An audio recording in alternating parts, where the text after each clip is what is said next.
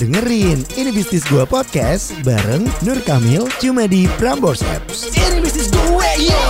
pada zaman itu juga emang Mhm. ada permasalahan adalah udah mulai zaman zaman internet tuh Ya. ya kan dimana malah banyak bajakan Ya, itu dia. Oh, Iya, kita nggak Porsche. ngomongin- Iya, iya, iya, nggak- Apa, Ben?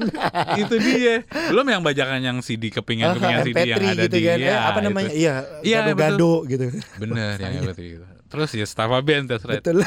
terus apa sih for share ya Porsche. Gila, gue inget banget dulu tuh eh, Misalnya gue nyebut Mhm. Tahun 2011 deh 2010 apa 2012 itu Aha. Eh, Waktu itu gue sebenarnya promoin eh, Albumnya Raisa pertama Ya. Eh, Itu kalau gue search di Google Ya.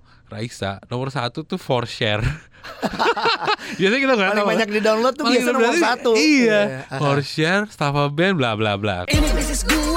Yo, yo. Dengerin full episode ini Bisnis Gua Podcast only on Prambors Apps. Available on Play Store and App Store.